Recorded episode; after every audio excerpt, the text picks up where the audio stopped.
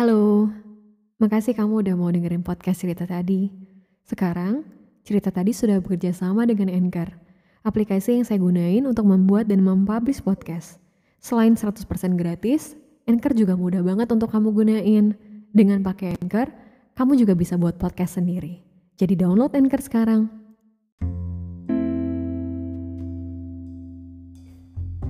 Episode podcast kali ini um, aku dapat email dari orang yang berani banget untuk cerita sedetail itu, sepanjang itu. Uh, aku hargain banget tulisannya. Dia mau sharing di sini dan dia minta untuk namanya nggak perlu disebutin, jadi kita hargai aja privasinya. Email aslinya panjang banget, tapi di beberapa poin harus aku cut karena bakal panjang banget kalau misalnya aku ceritain semua. So ya udah. Um, hai Kak Al, disclaimer aku dengerin podcast cerita tadi dari tahun 2020. Beruntung banget tahu podcast ini yang sampai sekarang masih aku dengerin. Wow.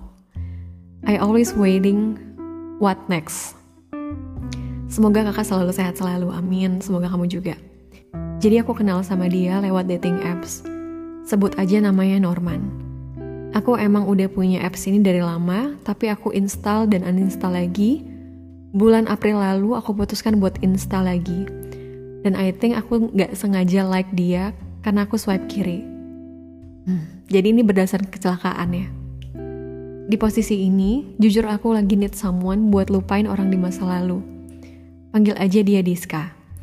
At least buat mengalihkan aja karena perasaan yang udah bener-bener gak nyaman lagi karena aku gagal move on. Aku gak berniat buat melampiaskan sama orang baru. Aku chatan sama dia berlangsung selama bulan puasa akhir. Dan dia ngajak aku buat nonton bareng, tapi aku bilang aku belum ada waktu buat sekarang-sekarang. Jadi aku putusin abis lebaran. Kita putuskan untuk nonton bioskop. Sebelum ketemu aku gak berekspektasi apa-apa. Dan mau semuanya ngalir gitu aja. First impression ketemu, aku gak tahu dia bete atau kelihatan jutek karena udah nunggu aku lama. FYI dia baru lulus kuliah dan belum kerja, tapi dia freelance photographer gitu. At the same time, aku ngerasa ada yang hilang. Ternyata itu Diska dari pikiran aku yang berhasil teralih. Karena sebelumnya aku mencoba sama orang-orang baru, benar-benar gak bisa lupa. Setelah pertemuan itu, kita masih chatan selama seminggu. Dan setelah itu dia hilang gak ada kabar. Jujur aku kepikiran kayak bertanya-tanya, what's wrong with me? Dua minggu kemudian, Norman chat aku dan jujur agak kaget karena dia ajak aku untuk staycation. Tanpa pikir panjang, aku iakan. Di sana kita ngobrol banyak, nonton film. Dan akhirnya aku tahu bahwa dia terakhir jalin hubungan sama mantannya selama lima tahun dan itu putus nyambung. Um, kita terbawa suasana dan akhirnya melakukan hal itu. Aku berpikir kalau abis ini aku bakal perlahan menjauh aja karena aku takut kejadiannya sama kayak Diska dulu. Setelah itu dia nggak hubungin aku lagi. Aku merasakan aku sedih kenapa dia nggak hubungin aku lagi. Selama dua mingguan lagi, dia chat aku untuk staycation lagi. Dan aku nggak bisa nolak. Kayak ada hal yang mendorong aku. Semakin ketemu, semakin ngobrol banyak, semakin aku makin jatuh cinta sama dia banyak red flags, tapi aku malah menganggap itu jadi tantangan buat aku untuk dapetin hatinya. Wow. Tiba-tiba dia pernah nanya aku kayak gini. Lo gak marah tiap kali abis ketemu gue gak chat lo lagi? Aku jawab, gue pasrah karena gue bukan siapa-siapa. Dia bilang, iya karena gue gak mau ngejalanin hubungan serius. Berminggu-minggu aku nangis ingat kata-kata itu karena nusuk banget. Andai dia nggak usah bilang pun aku tahu diri. Which is secara langsung dia ngajak aku FWB-an doang. Aku inget podcast cerita tadi yang judulnya Diam Gak Melulu Emas, walaupun nggak tahu itu sudut pandang Kaal itu mengungkapkan hati untuk siapa.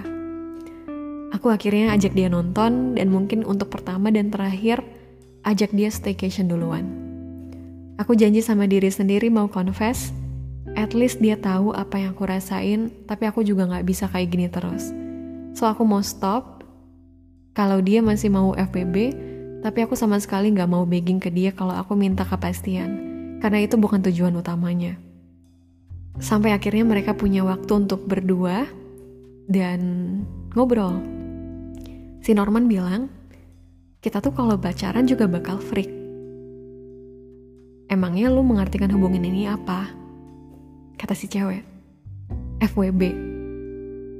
FWB kan rulesnya nggak boleh ada perasaan. Tapi gue ada. Norman cuma diam. Sampai akhirnya si cewek bilang, I have a crush on you, but if you don't like me back, it's okay. Gue tahu hubungan ini gak akan bisa ke mana-mana. Sebelum ada percakapan itu, untungnya aku udah atur ekspektasi serendah mungkin. Dan I really really promise for end this relationship. FWB, friends with benefit, tapi aku gak dapat benefitnya sama sekali. Tahu kan endingnya? Ya dia gak chat aku lagi.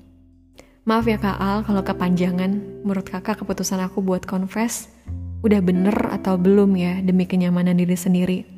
Aku mau tahu semua sudut pandang kakak dari cerita ini. Makasih banyak Kak Al udah bacain sukses untuk podcast cerita tadi. Kamu kalau nanya sama aku salah atau enggak soal confess, menurut aku sih nggak salah ya. At least kamu udah berani jujur sama diri kamu sendiri, sama orangnya juga yang harus kamu tahu, gak semua orang punya keberanian itu. Termasuk aku. Mungkin kalau posisinya dibalik, aku bakal jadi orang yang nyimpen itu sampai kapan pun. Tapi itulah cara kita express feeling masing-masing, pasti caranya beda-beda. Jadi kalaupun sekarang kamu mutusin untuk pergi, semoga gak ada perasaan yang masih ketinggalan, yang belum selesai. Karena aku ngerasa udah gak ada unfinished business gitu gak sih? Karena udah semuanya kamu omongin kan, udah disampaikan. Jadi harusnya udah gak punya rasa penasaran lagi soal apa dia juga suka, apa dia enggak, tapi kayaknya iya, tapi kok enggak. Aku harap udah gak ada kebingungan itu lagi. Lagian dari cerita kamu, jelas banget dia itu datang ke kamu dan pergi bener-bener semaunya. Aku ngerasa sih orang ini jahat banget ya caranya. Cuman salahnya kamu juga biarin dia ngelakuin itu ke kamu gitu loh. Aku sih ngerasanya harusnya nggak gitu. Kita tuh jangan mau dijadiin keset yang selalu welcome. Biar orang juga nggak senaknya sama kita. Dan menurut aku nggak ada yang bisa diharapin juga dari hubungan yang kayak gini. Mungkin niatnya awalnya cuman untuk cari yang seru-seru aja. Sehabis itu kan langsung dianggap gak pernah terjadi apa-apa. Dan di awal, kamu juga harusnya udah tahu konsekuensinya. Kalau misalnya bakal kayak gini. Um, jujur aku gak pernah sih ngalamin hal-hal kayak gini. Cuman aku ngerasa mungkin ini bisa jadi pelajaran untuk kamu bisa lebih hati-hati kalau warna itu ada hitam dan putih, manusia juga sama. Nggak semua manusia itu baik, walaupun aku percaya masih banyak orang baik. Tapi kenyataannya kan ada aja yang jahat. Ada aja orang yang jahat terus dia punya power untuk nyakitin kita. Nggak usah jauh-jauh deh. Bahkan kadang kita juga bisa jadi jahat. Tanpa kita sadarin kita juga pasti pernah nyakitin orang lain. Dan dari cerita kamu, aku ngerasa mungkin karakter kamu itu cukup perasa, nggak mikir yang aneh-aneh makanya bisa kasih percayaan ke orang lain. Beda banget sama aku yang susah percaya sama orang.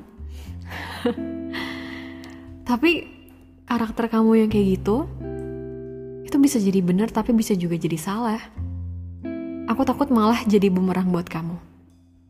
Orang jadi manfaatin kamu, tapi kamu sendiri gak dapetin manfaatnya. Persis kayak yang kamu bilang.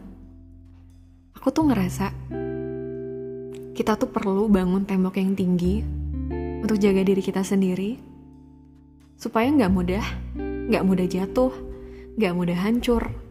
Kalaupun nanti kita sakit hati atau apa, at least sakitnya tuh nggak sakit-sakit banget.